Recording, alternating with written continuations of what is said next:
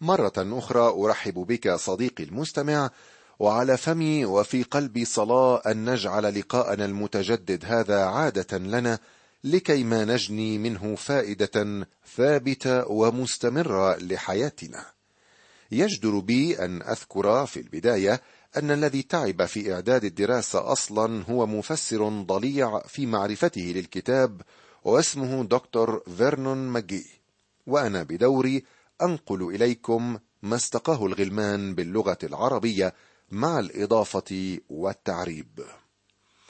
كما ذكرت لكم ميسون قبل قليل سأبدأ بتقديم بعض الإرشادات التي تخص الكتاب المقدس عامة وذلك على مدار أسبوعين لنتعرف على هذا الكتاب العجيب. وبالتالي لنفهم الدراسة بصورة أوضح. بعد ذلك نباشر الدراسة في السفر الأول من الكتاب المقدس أي سفر التكوين. أخي الكريم دعني أقف في بداية لقائنا لأسألك وأسأل نفسي معك. ماذا كان يشغل ذهننا اليوم؟ وراء أي شيء كنا نجري؟ هل فعلا كانت كلمة الله تأخذ حيزها في أفكاري أم كنت مشغولا بالسياسة والأخبار العالمية أو ربما بأموري الخاصة وكلامي الخاص.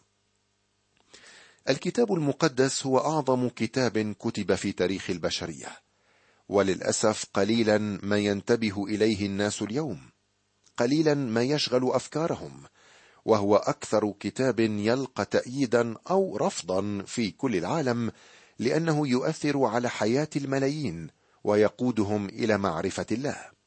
لأنه الحق الذي يصل إلى الضمائر ويقنعها بالخطأ. ما زال يؤثر على حياة الملايين عبر العصور وفي العالم أجمع. وإلى جانب الكراهية للكتاب هناك محبة عارمة له من قبل الملايين الذين ضحوا بحياتهم وتعذبوا لسبب إيمانهم بأن الكتاب المقدس هو كلمة الله. لذلك فإن كتابا كهذا يملك كل ذا التأثير على البشرية يستحق منا أن نوليه العناية والاهتمام. طلب أحد رجال الله المشهورين وهو على فراش الموت أن يقرأ له صهره من الكتاب. فأخذ الصهر يبحث في المكتبه عن كتاب يناسب صديقه المحتضر وسأله حائرا أي كتاب تريد؟ فأجاب رجل الله لماذا تسألني هذا السؤال؟ لا يوجد إلا كتاب واحد يسمى الكتاب. إنه يقف فريدا في عالم الكتب وفي العالم أجمع يسمونه الكتاب. إنه الكتاب المقدس. أحضره واقرأ لي منه. نعم يوجد كتاب واحد فريد للمحتضر كما للحي كثيرون يهملون الكتاب المقدس ولا يفطنون له إلا وهم كهول أو عندما تحل بهم مصيبة ما. من الجميل جدا أن تجد كتابا مفيدا في أوقات كهذه لكن الكتاب المقدس لم يوجد فقط من أجل تلك الأوقات. إنه كتاب للحياة الحياة بكل قوة وامتلاء. إنه كتاب لمواجهة الحياة اليوم. وهو كتاب يفرش أمامنا الطريق الوحيد للانتقال من هذا العالم إلى العالم الآخر. وهو الكتاب الوحيد الذي يمكننا من التعامل مع ظروف الطارئة في الحياة ويخفف من آثار الصدمات المفاجئة. نعم الكتاب المقدس يختلف عن أي كتاب آخر. سئل أحد رواد المسيحيه قديما عن المصدر الذي استقى منه المعرفة والحكمة فقال إن كل ما تعلمته يرجع الفضل فيه لكتابين. الأول هو ظاهريا كتاب صغير وأما الكتاب الآخر فهو كبير جدا. الكتاب الأول يتكون من صفحات عديدة بينما الكتاب الثاني يحتوي على صفحتين فقط. صفحات الكتاب الأول بيضاء ومكتوب فوقها بأحرف سوداء.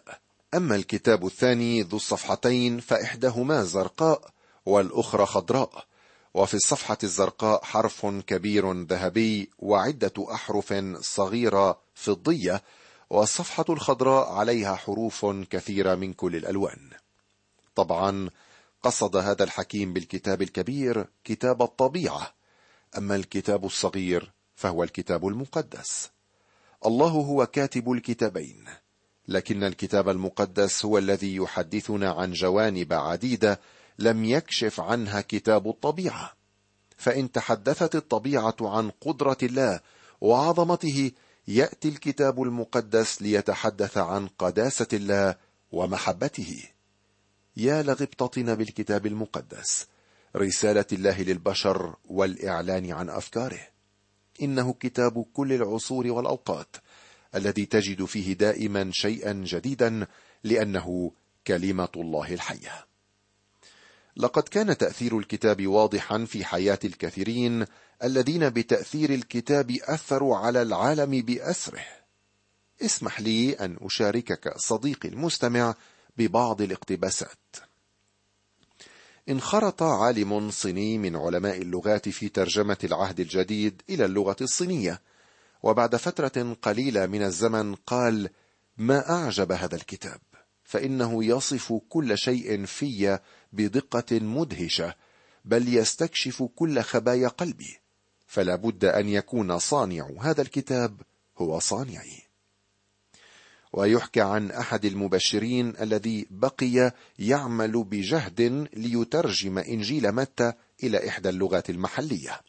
وبعد جهد جهيد انتهى من ترجمة السبعة عشر عددا الأولى من الفصل الأول من هذا الإنجيل والتي تتكلم عن سلسلة نسب المسيح. وفكر في نفسه قائلا يا له من وقت طويل أنفقته في هذا الجزء وأي شيء في هذه السلسلة الجافة من الأسماء سيفيد هؤلاء الوثنيين. وبينما هو يتفكر في هذه الأمور زاره أحد الأهالي وسأله عما يفعل فأخبره بأنه كان يقوم بترجمة جزء من إنجيل متى وبدأ يقرأ له بعض ما ترجم. كان الزائر يستمع إلى القراءة بشغف شديد بعكس ما كان المبشر يتوقع. وعندما انتهى من القراءة قال له الزائر والآن أريد أن أسمع منك أكثر عن يسوع هذا لأني أريد أن أؤمن به. ترى ما الذي جعل هذا الرجل الوثني يتأثر هكذا؟ الإجابة هي طول سلسلة نسب المسيح.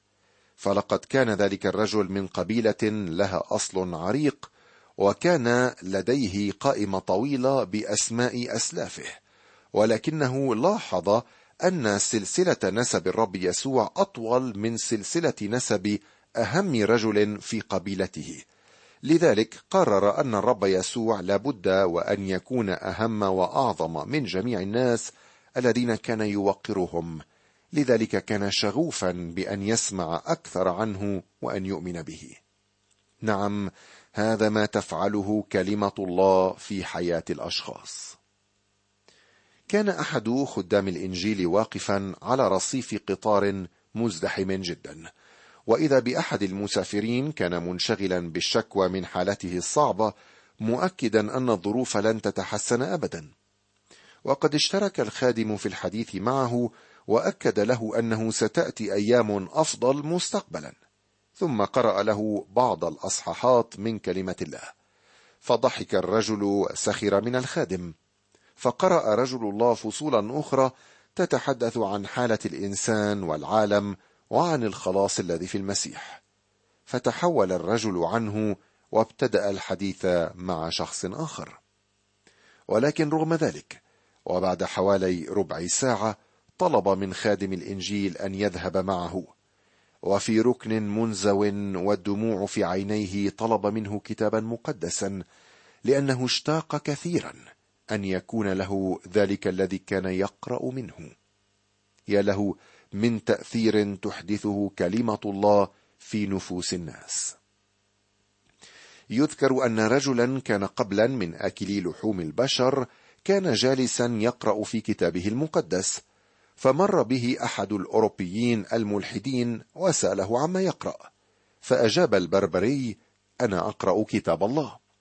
فرد عليه المتمدن قائلا هذه سخافات تغلبن عليها قبلكم ولا بد أنكم يوما ما تعرفون الحق مثلنا. فأجابه المؤمن لولا هذه السخافات في نظرك لكنت اليوم طعامي في غذائي لكن ما تسميه أنت سخفات غير مجرى حياتي بأكملها. نعم يا صديقي كلمة الله تغير الحياة بطريقة لا تخطر على بال إنسان. فهل غيرت هذه الكلمة حياتك؟ نأتي الآن أخي الكريم إلى استعراض سريع لنواحي تفرد الكتاب المقدس. بماذا يتفرد الكتاب المقدس؟ الكتاب المقدس فريد من نوعه في نواح عديدة. مثلا تأليفه جاء مزدوجا. الله هو المؤلف والإنسان هو المؤلف أي أن الله هو الذي أوحى به للبشر عن طريق الروح القدس وكتبه أناس الله القديسون. وسأتحدث عن ذلك بأكثر تفصيل فيما بعد. لقد كتب الكتاب المقدس على يد أربعين كاتبا من كل مسالك الحياة في فترة بلغت حوالي 1600 سنة أي أكثر من ستين جيلا. كثيرون من هؤلاء الكتاب لم يسمع أحدهم بالآخر ومع ذلك لم يوجد أي تناقض في كتاباتهم بل قدموا كتابا مترابطا ومعصوما بشكل لم يسبق له مثيل يحكي قصة واحدة من سفر التكوين إلى سفر الرؤية قصة فداء الله للإنسان. كل كاتب عبر عن إحساساته الخاصة في وقته وقد تباينت أفكارهم ومحدودياتهم ومع ذلك فإنك تلحظ توافقا ودقة في الألفاظ وصحة في الكتابة لا تلقاها في أي كتاب آخر. أجل الكتاب المقدس كتاب بشري إلا أنه كتاب الله في الوقت ذاته. لقد كان كتاب الكتاب المقدس من مختلف مسالك الحياة حيث اختلفت أعمالهم ومراكزهم وثقافتهم وبلادهم. هناك الأمير وهناك الفقير. هناك المتعلم وهناك البسيط. ترى بينهم سليمان الملك ويشوع المحارب ولوقا الطبيب الذي كتب بأسلوب يوناني مبدع. أما بطرس الصياد البسيط فقد كتب بأسلوب بدائي حسب ثقافته إلا أن الله استخدم هذا وذاك بشكل عجيب. عبر كل واحد عن إحساساته وأفكاره إلا أن مصدرا واحدا هو الذي كان يقودهم ليكتبوا ما كتبوا وهو شخص روح الله الروح القدس. هذا هو الكتاب الفريد العجيب الكتاب المقدس. والكتاب المقدس هو كتاب الله حيث نجد العبارة التالية قال الله أو يقول الرب. نجدها حوالي أكثر من 2500 مرة.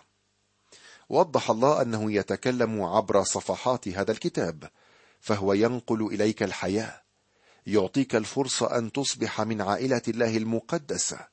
ليس من زرع يفنى بل بما لا يفنى من كلمة الله التي تثبت إلى الأبد. الكتاب المقدس هو تواصل الله مع البشر. وقد قال فيه كل ما يريد أن يقوله لنا. لذلك لو تكلم الله ثاني الآن لأعاد ما حكاه في الكتاب المقدس. وبالمناسبة لا يوجد أي شيء جديد تقرأه في الصحيفة اليومية لا يعلم به الله. حتى حينما صعد الإنسان إلى القمر لم يكتشف شيئا جديدا لم يكن في علم الله. هذا الإله الذي خلق العالم بأسره هو نفس الإله الذي كتب الكتاب المقدس. يمكنك اذا مستمعي الكريم أن ترى أن الكتاب المقدس هو كتاب بشري وإلهي في نفس الوقت تماما مثل الرب يسوع الذي جاء من السماء وعاش على الأرض وشاركنا بشريتنا وهو الله. وقد تحدث إلى الناس وتواصل معهم فيما يختص بأمور الله. هكذا فإن الكتاب المقدس الذي كتبه الله والبشر يتواصل مع الناس ويتحدث إلى الإنسان اليوم كما هو. الكتاب المقدس هو أقدم كتاب في العالم وله أكبر عدد من المخطوطات تفوق الإلياذة لهوميروس كما أنه أول كتاب ترجم في العالم. كان أول كتاب حمل إلى الفضاء الخارجي كما أن أول آياته قرأت على سطح القمر عندما قال رائد الفضاء الأول وهو هناك في البدء خلق الله السماوات والأرض. الكتاب المقدس فريد صديقي المستمع تعال وانظر لتكتشف بنفسك. قال أحدهم الكتاب المقدس عبارة عن ممر بين أبديتين يمشي عليه المسيح. صدى خطواته الخفية يدوي عبر العهد القديم ثم نلتقي به وجها لوجه في غرفة العرش في العهد الجديد. ومن خلال هذا المسيح المصلوب لأجلي وجدت غفران الخطايا والحياة الأبدية.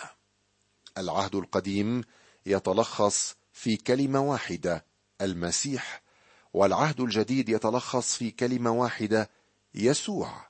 وكل الكتاب يتلخص في أن يسوع هو المسيح. بقي لنا اليوم أن نطرح على أنفسنا السؤال التالي. كيف نعرف أن الكتاب المقدس هو من الله؟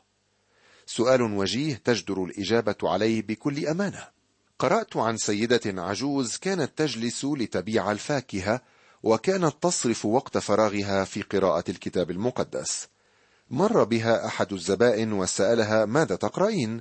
فقالت أقرأ كلمة الله. أجابها كلمة الله ومن أدراك أنها كلمة الله؟ ارتبكت المرأة في البداية لكنها سألته أفي إمكانك أن تبرهن لي أن الشمس ساطعة؟ فقال ما أسهل ما تطلبين فإن برهاني على ذلك هو ما تشعرني به من دفئها وما أراه من نورها. فأجابت المرأة وقد شاع الفرح في قسمات وجهها. والكتاب المقدس هو كلمة الله لأنه يبعث في الدفء والنور. يا له من شعور رائع أن تتأكد من أن الكتاب المقدس هو كلمة الله. ولكن هناك أيضا عدة أدلة تبين أن الكتاب المقدس موحى به من الله. اولا هناك بقاء الكتاب المقدس هذا الدليل هو أحد الأدلة الخارجية الكثيرة التي تشير إلى صحة ودقة الوحي المقدس. حاول أحد ملوك العهد القديم أن يبيد الكتاب فأخذ سكينا ومزق الرقائق ولكن تمت إعادة كتابته وهو بين أيدينا اليوم. لكم حاول الناس أن يحرقوه ويمنعوه ويبعدوه ويخفوه إذ لم يلق كتاب آخر اضطهادا مثل ما لقيه الكتاب المقدس. لكنه صمد أمام كل هذه المحاولات. إن وجوده اليوم بين أيدينا رغم كل ما تعرض له هو خير شاهد على أن هذا الكتاب كتاب الله الحي. واليوم نجد الشيطان يشن حربا شعواء على الكتاب من خلال إنكار الله وصحة الكتاب ومنع تداوله وما إلى ذلك ولكنه بقي محط اهتمام الملايين يشترونه ويقرؤونه ويدرسونه كما لم يفعلوا بأي كتاب آخر على مر العصور.